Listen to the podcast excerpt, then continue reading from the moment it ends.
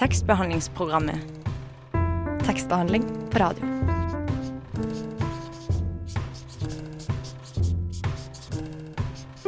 Tekstbehandlingsprogrammet.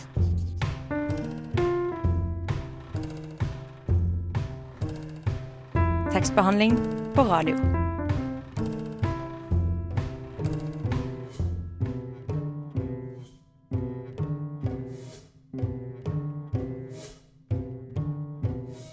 Onsdagsmorgen og velkommen til tekstbehandlingsprogrammet Radio Novas litteraturmagasin.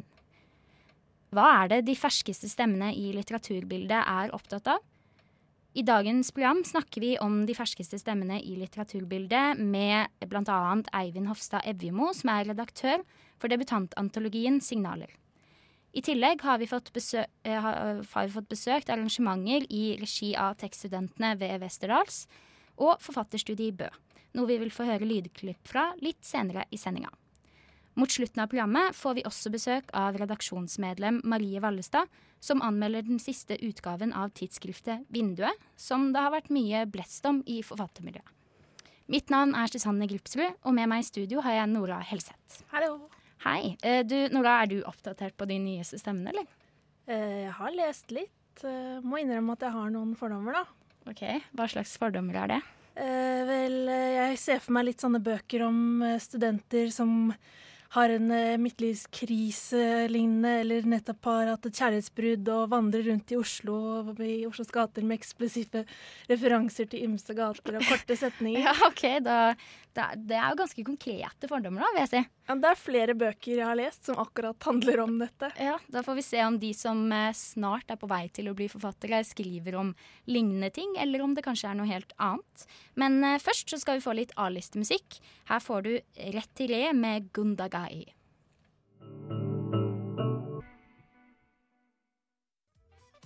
Det svinger det av. det svinger Oh, litteratur det svinger av. Og så putter vi noe swingmusikk.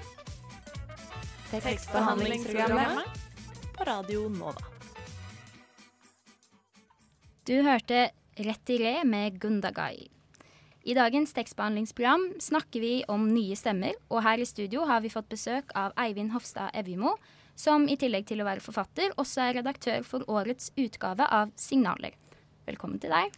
Takk for det. Og Signaler det er en debutantantologi som har blitt gitt ut hvert år siden 1986. ikke sant? Det er riktig. Yes. Eh, Hvem er det disse folka som sender inn tekster til Signaler? Altså, det er ganske bred palett, altså. Fra de eh, gamle pensjonistene som eh, sender utklippsdikt fra ja, ja, ut, ut, ukeblader og aviser. Eh, til rockeband som skriver, sender engelske rocketekster. Til litt mer seriøse sånne skrivekunstakademistudenter som skriver om død og kjærlighet. Eh, til ja, folk som har slutta jobben sin på børsen og har flytta til Spania og skal skrive en stor roman om sitt liv. Så det er en ganske brei, brei palett. Litt av hvert. Ja, det er ganske mye forskjellig. Er det noe felles tema for teksten sin? Altså eh, det, det, altså det er en ting som man diskuterer litt hvert år, egentlig. eh, Hva som er tendensen. Og det er ikke sånn at det skjer veldig veldig mye ting, nye ting i løpet av et år. Eh, det er fremdeles en del jeg-tekster. Altså det er den som er den, kanskje den bærende pronomen. Utsatte, ofte ensomme personer som beskriver sitt lille univers. Om det er et tema, så er det vel kanskje ensomhet går en del igjen. Eh, eh, Og så er det eh, vold. Altså en del, en del vold. Eh, ja. Det er vanskelig. Altså det er jo kjærlighet og sånne type ting, men det er vanskelig å liksom, pinpoint akkurat eh, liksom, om det er riktig, om det er riktig å Men bruke det er ordet tema. liksom store ting, da. Skrevet i jeg-form, holdt på å si. Store Ja, er- temaer i jeg-form. Ja, altså jeg tenker Altså jeg-formen er jo en ting som kanskje ligger litt i tida òg, da. At man eh, At, eh, at eh, den bekjennelsesformen er viktigere nå enn den her sånn altså, refleksjonslitteratur. Da. At man beskrives det, det livet man har rundt seg, i stedet for å reflektere rundt problemstillinga på en mer intellektuell måte. Nå er det veldig mye sånn umiddelbar sansning, kanskje, som får uttrykket i, i, tekstene vi får. Eh, slags rastløshet eh, er vel et, en sånn slags bevegelse jeg merker i tekstene. En uro eh, og en, en slags hjemløshet i en slags kontemporær, et kontemporært samfunn. Eh, og det, det kanskje kan være noen ting som ting handler om og kretser rundt. Ja. Men er det også Tror du at de tekstene dere får rundt i signaler, er representative for det som lurer seg, holdt på å si, holdt på, driver og murrer i litteraturverdenen? Ja, det tror jeg faktisk. Altså. Det ser man jo litt ut fra hvilke tekster som kommer ut, og hvilke uh, tekster folk ofte debuterer med. Uh, så er det ofte jeg-tekster. Uh, ofte personlige, ofte biografiske romaner. og novellesamlinger og diktsamlinger. så jeg tror det biografiske er noe en del som som går litt igjen, og som jeg tror speiler en tendens i, i, i samtida. Altså. Mm. Eh, ja, og snart, eh, Det skal vi snakke litt mer om senere. Mm. Og snart så skal vi også få høre noen lesninger eh, av studenter som driver på med det her, med skriving, ja. fra ja. forfatterstudiet i Bø og tekst- og skribentlinja ved Westerdals. Mm. Eh, men først så skal vi få en låt som i hvert fall jeg planlegger å høre mye på i tida framover. Dette er Ari med Higher. Du hørte Ari med Higher. I forrige uke besøkte vi forfatterstudiet i Bø sin Oslo-lansering og førsteårsstudentene ved tekst- og skribentlinja ved Westerdal sin litterære salong. Og vi har selvfølgelig tatt med en liten smakebit til dere. Han fullførte videregående med de beste karakterene i klassen hva gjaldt språkfag. Han gikk videre på Danvik folkehøgskole, kom inn på Skrivekunstakademiet i Hordaland året etter og fullførte en mastergrad i litteraturvitenskap ved Universitetet i Oslo. Hele tida med dette ene målet for øye. Å finne et fullendt språk med den tonen og det autoritære anslaget han ville anvende i sitt eget selvmordsbrev ansiktet ditt i skygge, men jeg visste hvordan du så ut. Jeg kladde av meg foran deg, knappet opp, slapp ned, plaggene rant. Jeg i en dam av eh, kjole og undertøy. Viste deg all den huden jeg hadde å by på. Jeg kunne ligge utbrettet, jeg kunne sprike med det jeg hadde. Kroppen min lik en scene Utenfor scenen var alle tilskuerne. Observer eller ta del i forestillingen. Jeg ser for meg at jeg går bort til deg, og vi snakker, og du liker meg, og du blir med meg hjem. To måneder senere er vi kjærester, tre år senere er vi gift, ett år senere får vi barn, barn er svart, og vi skilles.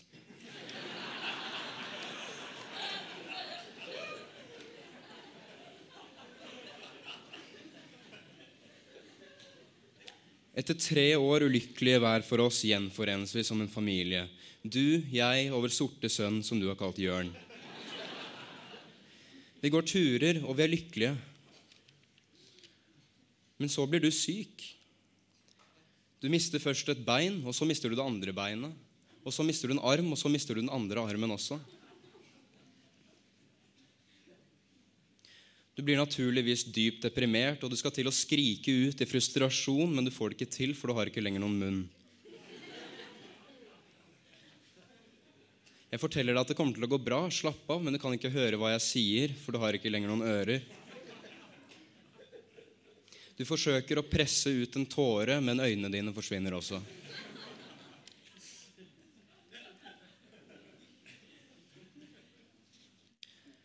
Jeg vil trøste deg så jeg bøyer meg ned for å gi den rare kroppen din en klem.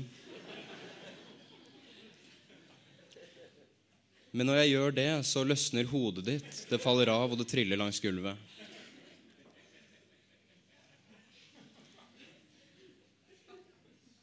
Nå er du en deprimert kjempepotet.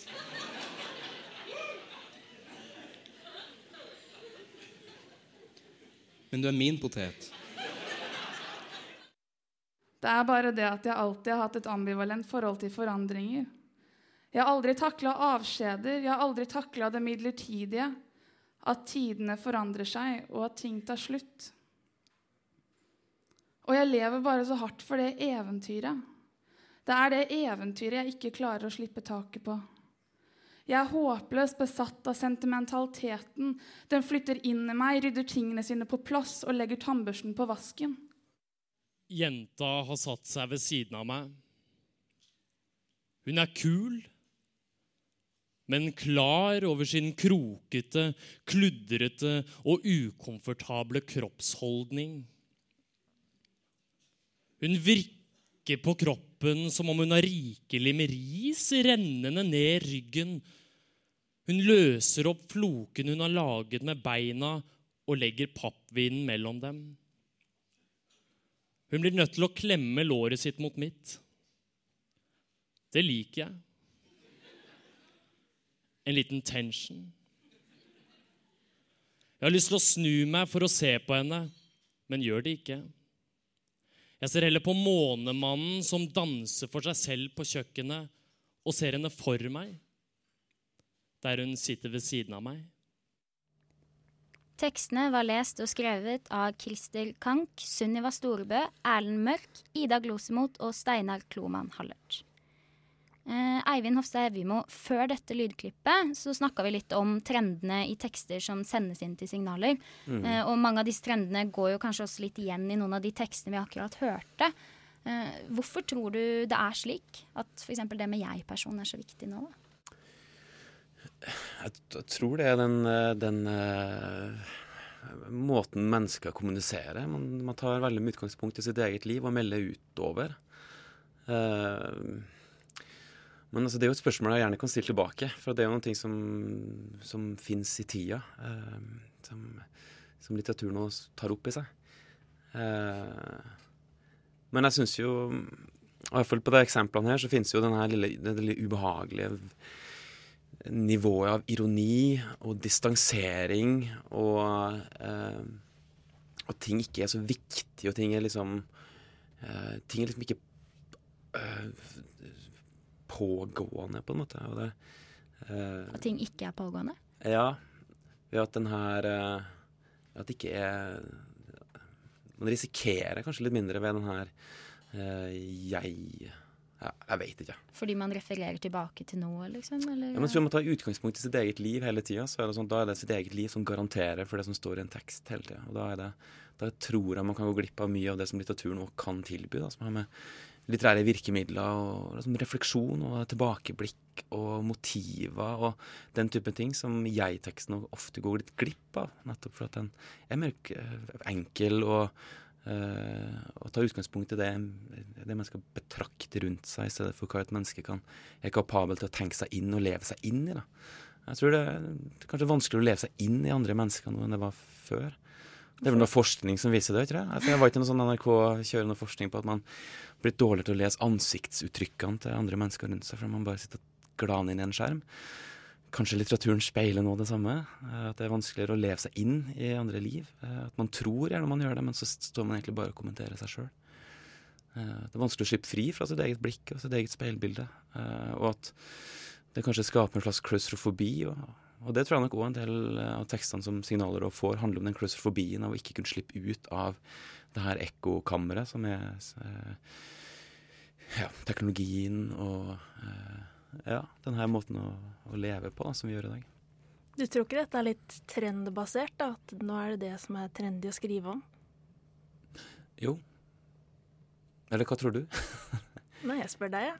Ja. Uh, ja, men jeg tror nok det er veldig mye Jeg, jeg tror nok at teknologi har en, har en viktig funksjon i måten man tenker, og måten man, at det har påvirka måten vi tenker og skriver på. Uh, um, og jeg syns kanskje det er litt passivt. og å etterstrebe en sånn teknologitekst òg. Jeg syns kanskje fremdeles den klassiske litteraturen har veldig mange virkemidler som er ubrukt, da, som, man, som er litt overraska at unge forfattere ikke er mer interessert i. Da. Som hva da, for eksempel? Nei, men Den klassiske romanen, for eksempel. En forståelse av den klassiske, den modernistiske romanen. Uh, virkelig prøve å liksom løfte ambisjonsnivået dit, da, i stedet for sånn bekjennelsestekster som, som, handler om den lille verden og hva jeg opplevde. Og, uh, det var veldig mye av de Westerdals-tekstene som handler om jenter som snakker om puling, og eh, gutter som fjaser, fjaser om oppsjekking, f.eks. For, for meg er jo det liksom Det kan også være en tendens at man, sånn, man, man sånn, tar litt mer lett på ting, da. Men er det sånn fordi man selv ønsker det? Det er jo kanskje et litt sånn hva kommer først, høna eller egget-spørsmål. da. Om man selv, om det er en, en trend som er skapt, og så tenker man at det er det som er litteratur, da, så det er det jeg burde skrive. Eller om det er sånn at Ja. alle har et veldig stort behov for å melde om hva det som virker skjer som med man som er er veldig opptatt av å kutte liksom, forbindelsen til historien. Da. At liksom, historien begynte i 1992. Da. At man har slutta å lese litteratur som var før. Eh, og at man da er mer opptatt av det som bare produseres av tekst i sin egen samtid. I stedet for å liksom gå lenger tilbake. Og, og, men også det pro- produseres masse kule tekster i dag òg, det ikke jeg si. Men det virker som det er mye av det samme eh, rommene og mye av de samme tekstene som, som florerer litt rundt. Da. Men er det negativt at man, at man baserer seg på samtiden samtidslitteraturen, da? Det er, er det ikke nok der på en måte til å kunne jo, absolutt. Men jeg, men jeg mener kanskje at litteraturen har, eh, er kapabel til å, å, å, å skape andre tekster da, enn dem som går seg fast i denne identitetskrisen hvor eh, jeg sender meldinger til folk. Det gir ingen mening. Jeg møter folk på byen. Det gir ingen mening.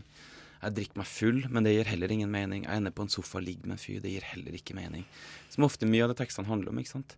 Så kan man heller, og Da mister man mye av den her magien. Som kanskje, eh, nå høres jeg kanskje litt pompøs ut, men det, det er for at jeg er forfatter. Eh, man mister mye av den magien som også et menneske er. Da. Den her dybden som er et menneske. Eh, som jeg da kanskje som redaktør kanskje savner litt. da. At folk går lenger i innover dybden på hva et menneske kan være, i stedet for å da, jakte den her overflaten og ja, tomheten som alle ser seg omgitt av. Det var Froth med 'Turn It Off' fra det kommende albumet Bleak. Vi sitter fortsatt i studio med Eivind Hofstad Evjemo, redaktør for debutantantologien Signaler. Og Tidligere i sendinga har vi snakka litt om tematikk som går igjen i tekster som sendes inn til antologien. Eh, og jeg har tenkt litt på med at i og med at tekstene, det er mye felles i tekstene, Mm. da. Hvordan er det dere går frem når dere skal velge hvilke som får være med i signaler? Hva ser dere på da? Altså, signaler får jo ja, gjennomsnittlig rundt 250 innsendte bidrag, og da er det, altså, da er, da er det veldig mye corny greier òg. Eh, så først er det redaktørene på Cappelen som er eh, et par stykker, som går gjennom alle bidragene. altså Gjør dem en slags grovsortering. Altså, du, du slipper den, da. Ja, så jeg slipper den. Men det er jo selvfølgelig for dere, dere redaktørene har lyst til å ha en liten finger med i spillet. For de er jo interessert de i hva som pågår, der, hva som finnes i de her bunkene. Det er jo interessant. Eh, Så det er liksom både og. De får en liten smakebit, samtidig som de siler det verste for meg, ettersom jeg da sitter alene og skal lese de resterende manusene. Men det er jo, de grovsorterer veldig, så jeg sitter igjen med rundt 80 manus. Og da er det jo fremdeles en del ting som veldig veldig fort går ut. da. Eh, så er det, begynner det langsomt, en møysommelig prosess, hvor jeg leser og leser. Og har en samtalepartner i forlaget, eh, så vi da bare går eh, koker kaffe på det, eller sterkere og sterkere kaffe. Eh, og til slutt så sitter vi igjen med rundt eh, tolv bidrag som vi mener er s- sterke nok. Og da kan vi eventuelt begynne å ta tematiske valg. Altså hvis det er fire novellesamlinger, eller novelletekster f.eks., eller hvis det er bare dikt, eller hvis det er sånt, så prøver vi å ta en liten eh, For vi skal jo òg skrive, ha en spennende bok. Altså prøve å skrive en spennende bok. Uh, og, så da kan vi jo velge bort ting vi utelukkende syns er fint, men da velge bort det på bekostning av en andre lignende tekst. da. Eh, og da sitter vi som oftest igjen med mellom åtte og ti bidrag. da. Så. Og vi er jo interessert i å ha en variasjon, og vi vil ha en, vi prøver å ha en, en, en, en så brei eh, sjangerspeiling som mulig. Eh, det er ikke alltid like lett, for vi vil jo òg gå for det som er bare bra. Eh, nei, Så det er en sånn evig vurdering. Alle, alle prosessene skjer veldig ulike også. Men eh, vi vil, ja. Men denne sjangerbredden, hvordan jobber dere for å oppnå den? Ja, altså vi um, altså vi Først og fremst på at vi, vi, vi, vi sorterer altså Vi tenker jo liksom sjanger når vi leser ting. Eh, vi skiller mellom kortprosa og noveller. Vi skiller mellom Og vi har dikt selvfølgelig som en egen eh, greie. Eh, og så er det mange som sender romanutdrag, ikke sant? og veldig lange romanutdrag. Eh, og roman er jo en sjanger som er litt sånn vrien å plukke ut noen ting fra. Eh, så men her er jo, signaler er jo en, en altså Det skal jo være en prosess. Det skal jo også vise at det er under arbeid. Det skal være en, Om ikke en skisse, skal det være et anslag. Et godt, veldig godt anslag er vel det som er målet òg. Anslag for, eller til? Anslag for en videre altså Målet er at forfatteren skal gå videre og, gi, og skrive en bok. Og, og, virkelig få denne motivasjonen til å gå hjem og jobbe enda, enda mer. da. Uh, og det er jo det som er liksom virkelig det som er kult. Man møter forfattere som blir gira, og som får sjøltillit og trøkk og fortsetter, liksom. Det er jo det vi vil. Liksom kjøre energi inn i litteraturen. Da. Det er det som er Eh, hvor lang er liksom hele den prosessen sånn fra Ja, altså Vi velger ut på en måneds tid. Eh, og så går vi rett inn i ganske effektive eh, tilbakemeldingsrunder. Eh, og da går det så fort som overhodet mulig, egentlig. Ja. Men, men, det er ganske mange tekster, og det, det tar utrolig lang tid å gi, gi, gode lesninger. Og vi har jo veldig lyst til å gi gode lesninger, så folk skal virkelig føle at de blir sett og tatt på alvor. og er ikke, er ikke ferdig innen fristen, så utsetter vi fristen. og det, det, er bare sånn det må være. Vi går bare etter kvalitet. og det, Jeg vil lyst til å strekke teksten så langt som overhodet mulig. Uh, og det er kanskje å skille signaler for litt andre utgivelser som ligner. da, At vi har, vi har tid og vi har kapasitet til å, til å holde ut da, lenger med en tekst. Du hørte Manganas Garden med 'Slow It Down'. Redaktøren for debutantantologien Signaler er fortsatt med oss i studio. Mm. Eh, og Signaler det har kommet ut hvert år siden 1986, og det er mange kjente forfattere som har hatt sine første tekster publisert her. Mm. Eh, lurer på sånn, enkelt, ja, Hvilken funksjon er det Signaler har, eller vil ha? Jeg tror signaler er altså det nærmeste man kommer en bokutgivelse eh, uten å gi ut en bok. Uh, du får en uh, Du får lange redaktørlesninger. Uh, som jeg sa tidligere, så, så, bruker vi lang tid, og vi, vi har virkelig virkelig å makse hva man kan få ut av en tekst. Og det handler, om, det handler alt, alt, om tid. Og det er veldig lite ressurser ut der i litteraturverden, og sånn er det jo. men vi i Signalet har faktisk tid og ressurser til å gjøre det grundig. da. Uh, og På den måten så får, tror jeg debutanten i signalet får en følelse av hvordan det er å være forfatter. Møte et forlag, Uh, får informasjon om hvordan et forlag fungerer. Uh, og han får honorar, som ikke er så vanlig heller. og, og, og får kjenne litt på hvordan det er virkelig å, å jobbe på denne måten. og det å være forfatter. Men er det viktig å ha den erfaringen før man eventuelt La oss nå si da at en av disse som nå blir utgitt i signaler, mm. også får utgitt eller antatt en bok om et par år. Er det viktig å ha den erfaringen før man Nei, men jeg tror bare, altså, I hvert fall i den prosessen hvor man skal skrive en bok, så, så trenger man all den kraft og sjøltillit og tilbakemelding man kan få. da. Eh, og, og, jeg tror at et møte med et forlag som sender deg et avslagsbrev, er ganske ubehagelig og kan få folk til å slutte å skrive. Eller de kan vente i mange mange år på å gidde å skrive noe igjen. Uh, for at det så, virker så håpløst. da. Men signaler åpner opp en liten sånn spire, et lite lys. åpner opp den døra litt, i hvert fall. Uh, som gjør at du Ja, OK, men da er det det her det handler om. Det er det som kreves av meg som forfatter, og da får jeg enten gjøre det, eller så får jeg gjøre noe annet. ikke sant? Uh, og det tror jeg, tror jeg er den lille forskjellen da, i forhold til mange av de andre. Eh, I hvert fall debutant- og publiseringskanalene, som, som, er mye mer idealistiske og, og viktig av den grunn òg, men eh, på en litt annen måte. Eh, men hvorfor skal debutanter publisere i signaler når det finnes så mange andre forskjellige kanaler i dag? Nei, jeg tror det handler om uh, jeg tror det handler om kvalitet og, og prosess. Jeg tror det er en, 'Signaler' er en, en, en, bok som fremdeles jobber langsomt. Uh, og jeg tror at alle, alle, forfattere har veldig godt av det. Jeg tror ikke at den her effektiviteten i publiseringsverden uh, Norge har nødvendigvis gjør litteraturen en tjeneste. Altså, Hvorfor ikke? Ja, for Folk føler jo at de publiserer bare man sender ut noe på Facebook eller Altså man driver og småpubliserer hele tida. Um, og jeg tror at det handler veldig mye om lesning og motstand og kritikk og samtale. Og jeg tror akkurat, akkurat de elementene mangler litt da, når det gjelder uh, en del andre publiseringskanaler. Som da er bra på andre måter igjen. Så jeg tror det handler mer om den her langsomheten da, som jeg tror uh, signaler er med å, å bidra med. Da. Men, man, man tar seg tid til å jobbe fram tekster. Eh, men uh, hvorfor er det du Hva betyr det for deg da å være redaktør for Signalet? Hvorfor er det så spennende?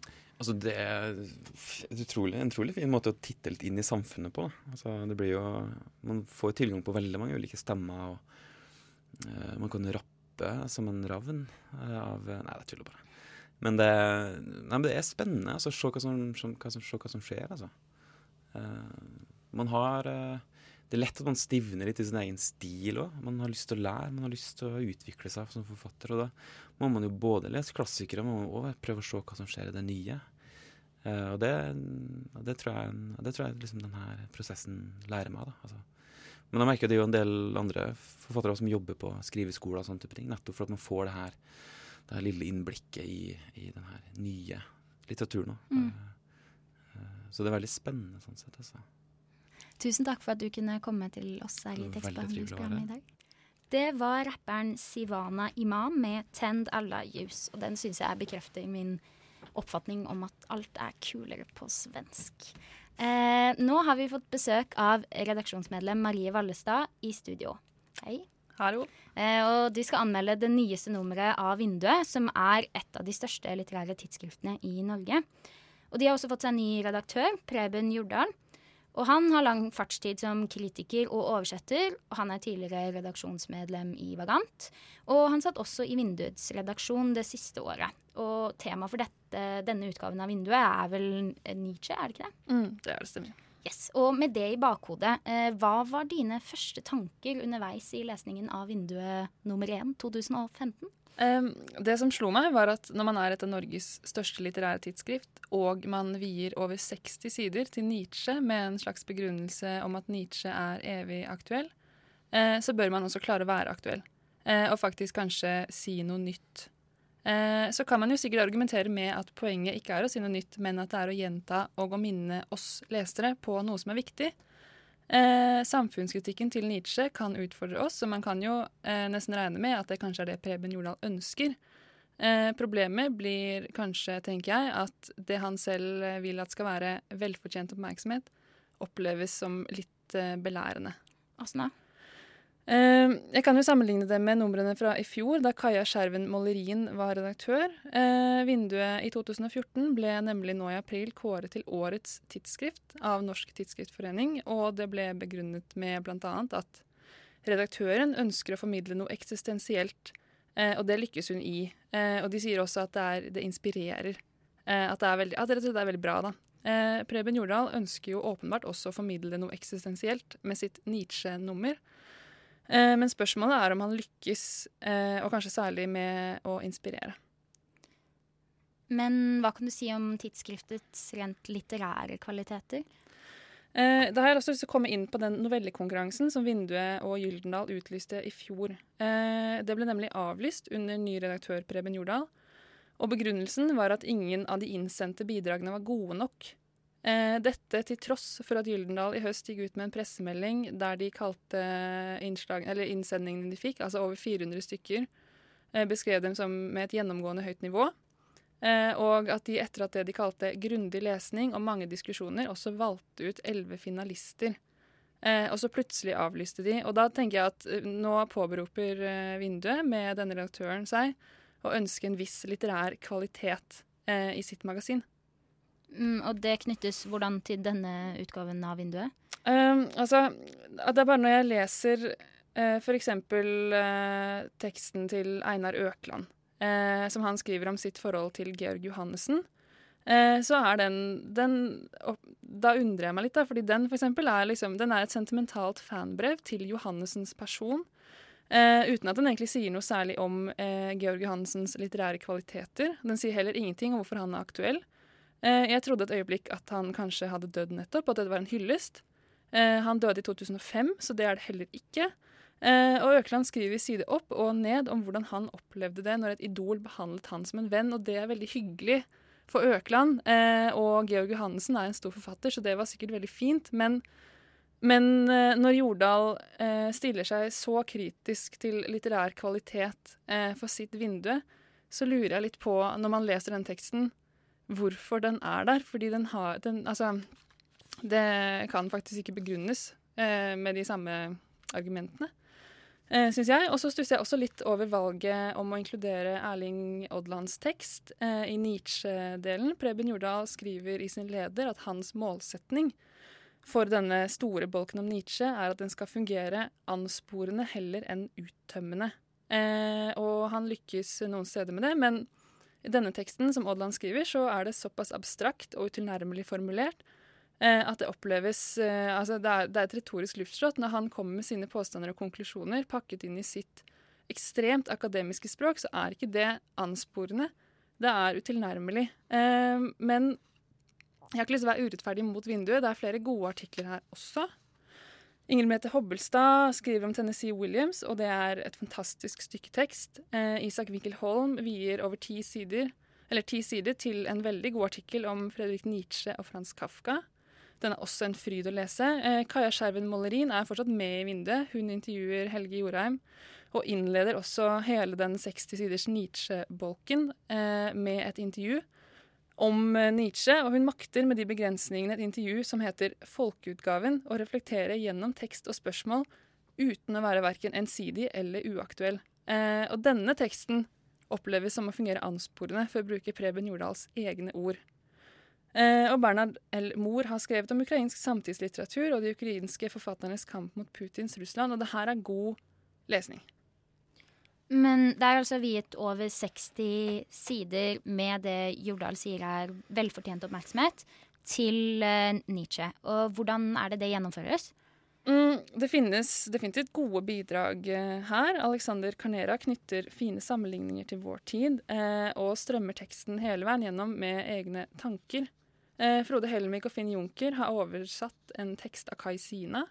Den er både velformulert og den er underholdende, men den er eh, også kanskje noe ensidig, og dette Altså, den er en tydelig hyllest til Nietzsche, eh, men den er ikke så mye mer, og det er det jeg føler at hele denne Nietzsche-greia er, at det er en ensidig hyllest. Eh, og jeg forstår at det er ment å vie eh, velfortjent oppmerksomhet til en av vår tids eh, største filosofer, eller altså, han er jo død, men liksom en av vår tids største filosofer, eh, og kanskje så stor at han kan bli litt glemt i, i, liksom, i samtidens eh, tidsskrifter og litteratur. Men det er så rart når liksom, det som følger Mollerins intervju med Helge Jorheim, som faktisk innleder hele denne Nietzsche-artikkelen, eller hele dette Nietzsche-bladet, og som kommer inn på så mye som er interessant, og som er, kan problematiseres med Nietzsche, at det ikke tas opp senere i en eneste artikkel. Eh, jeg kunne også tenke meg å se at det her satt opp mot mer konkrete, aktuelle temaer. Eh, Alexander Carnera er inne på det når han belyser sin tekst med f.eks. Slavoj Zizek. Men jeg bare tenker sånn, er det slik at å trekke fram Nietzsche i seg selv er et tegn på kritisk tenkning? Og det lurer jeg på fordi eh, det ikke nødvendigvis her settes i spill med egne tanker og egne undersøkelser i, i teksten, i artiklene. Eh, jeg tror jeg savner flere tanker, jeg savner flere knagger å henge Nietzsches ideologikritikk og spisse samfunnskritikk på. Uh, en ting vi har snakka litt om i tekstbehandlingsprogrammet, er det som kanskje er litt rart, med at de har, i denne utgaven av Vinduet har viet en hel forside, uh, nesten utelukkende til døde menn, skulle du si. og rettferdiggjøres det når man åpner bladet? Øyvind Rimre lever iallfall. Uh, nei, altså Jeg la jo selv ut en litt slarvete kommentar om dette på Vinduets egen Instagram, så det er jo åpenbart noe jeg har sett. Eh, og altså, det med fordeling av kjønn er ganske vanskelig å ta opp. Eh, eh, jeg har så vidt fått med meg eh, sett at det er et ekstra betent eh, diskusjonsemne når man snakker om denne utgaven av Vinduet. Eh, så jeg kan jo heller bare nevne noen ting som jeg har merket meg. på omslaget får vi et første inntrykk av hva dette bladet handler om. Og enten det er hensikten eller ikke, så vil jo det også vise hvilke verdier det ønsker å fremme, eller hva det velger å ikke fremme. Eh, på forsiden så listes Nietzsche, det er rettferdig når han er tema. Eh, Kafka, Hamsun, Tennessee Williams, Georg Johannessen, Brecht og Øyvind Rimbreid. Eh, og så selvfølgelig åpner man bladet, så viser det seg jo at det skrives om mer enn kun de navnene. Sånn er det jo med alle, alle, magasiner. Per Buvik skriver om Patrick Modiano. Christian Wiese intervjuer forfatter Jan Grue. Karina Elisabeth Bedari anmelder Anne Helene Guddal og Geir Gulliksen eh, osv. Men man kan jo allikevel merke seg det at de eneste kvinnene som omtales i det hele tatt i løpet av 135 sider, er Anne Helene Guddal eh, og Tanja Maljatsjuk, og at disse kun omtales i forbindelse med andre. Guddal anmeldes sammen med Geir Gulliksen. Maljatsjuk nevner i sin artikkel som omhandler hvordan flere ukrainske forfattere bruker ordet som våpen mot Putin og Russland. Men er det egentlig så viktig da å liksom telle opp hvor mange kvinner som finnes, når det er snakk om ja, i dette litterære spørsmålet? da? Mm, ja, ikke sant. Er det det? Eh, det er jo ikke slik at man ikke vil lese et blad bare fordi det handler om Nietzsche, Kafka, Johannessen, Hamsun og Tennessee Williams. Eh, samtidig så kan man ikke lage et magasin om noe og tro at man ikke kan la være å tenke på omgivelser og historisk kontekst. Eh, og som jeg nevnte litt i stad, altså enten man vil eller ikke, så sier det noe om hvilke verdier man ønsker å fremme når man velger hvem man skriver om, og hvem man velger å ikke skrive om. De som skriver da, er det samme tendensen der, eller? Eh, fire av de 19 artiklene bladet inneholder, inkludert leder, er skrevet av kvinner. Ja, så det er litt, litt flere kvinner der, da. Men, Litt, ikke, ja. litt, ja. men eh, hva er konklusjonen din, da? Eh, hva sier du om denne utgaven av eh, Vinduet? Mm, jeg tenker at eh, Hvis Preben Jordal fortsetter i samme spor som i denne første utgaven, så tviler jeg på at eh, det blir kåret i årets tidsskrift på nytt.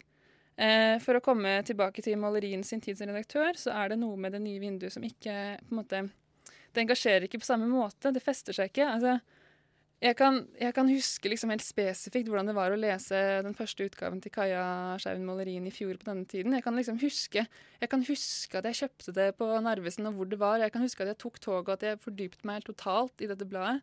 Og at eh, jeg ikke ville slutte å lese det da jeg gikk av på slepen når jeg skulle besøke foreldrene mine. Eh, selv om det regnet. Eh, så tenkte jeg men det regner ikke så mye, så jeg kan gå mens jeg fortsetter å lese. fordi så det er det verdt. Jeg må lese, liksom. Og sånn har det vært. Sånn var det med alle hennes fire eh, utgaver i 2014. Og sånn er det ikke med, med dette nummeret til Preben Jordal. Det er helt greit. Det er absolutt noen gode tekster, men som helhet så er det helt OK. Det er litt ensidig. Det, det gir ikke noen nye perspektiver på egentlig noen ting, fordi det Bortsett fra liksom, egentlig Kaja Skjervens Maleriens egne tekst da, i bladet, Eh, og utover den litt opphetede diskusjonen det har skapt i visse kretser, så er det egentlig et ganske forglemmelig nummer av vinduet. Du hørte Le Big Bird med I Woke Up in Dream. Og da var vi ved veis ende i dagens sending. Men husk at du kan høre den om igjen så mange ganger du vil på radionova.no eller på Soundcloud-profilen vår. Mitt navn er Susanne Gripsrud, og med meg i denne sendinga har jeg hatt Nora Helseth. Tekniker var Snorre Vignes.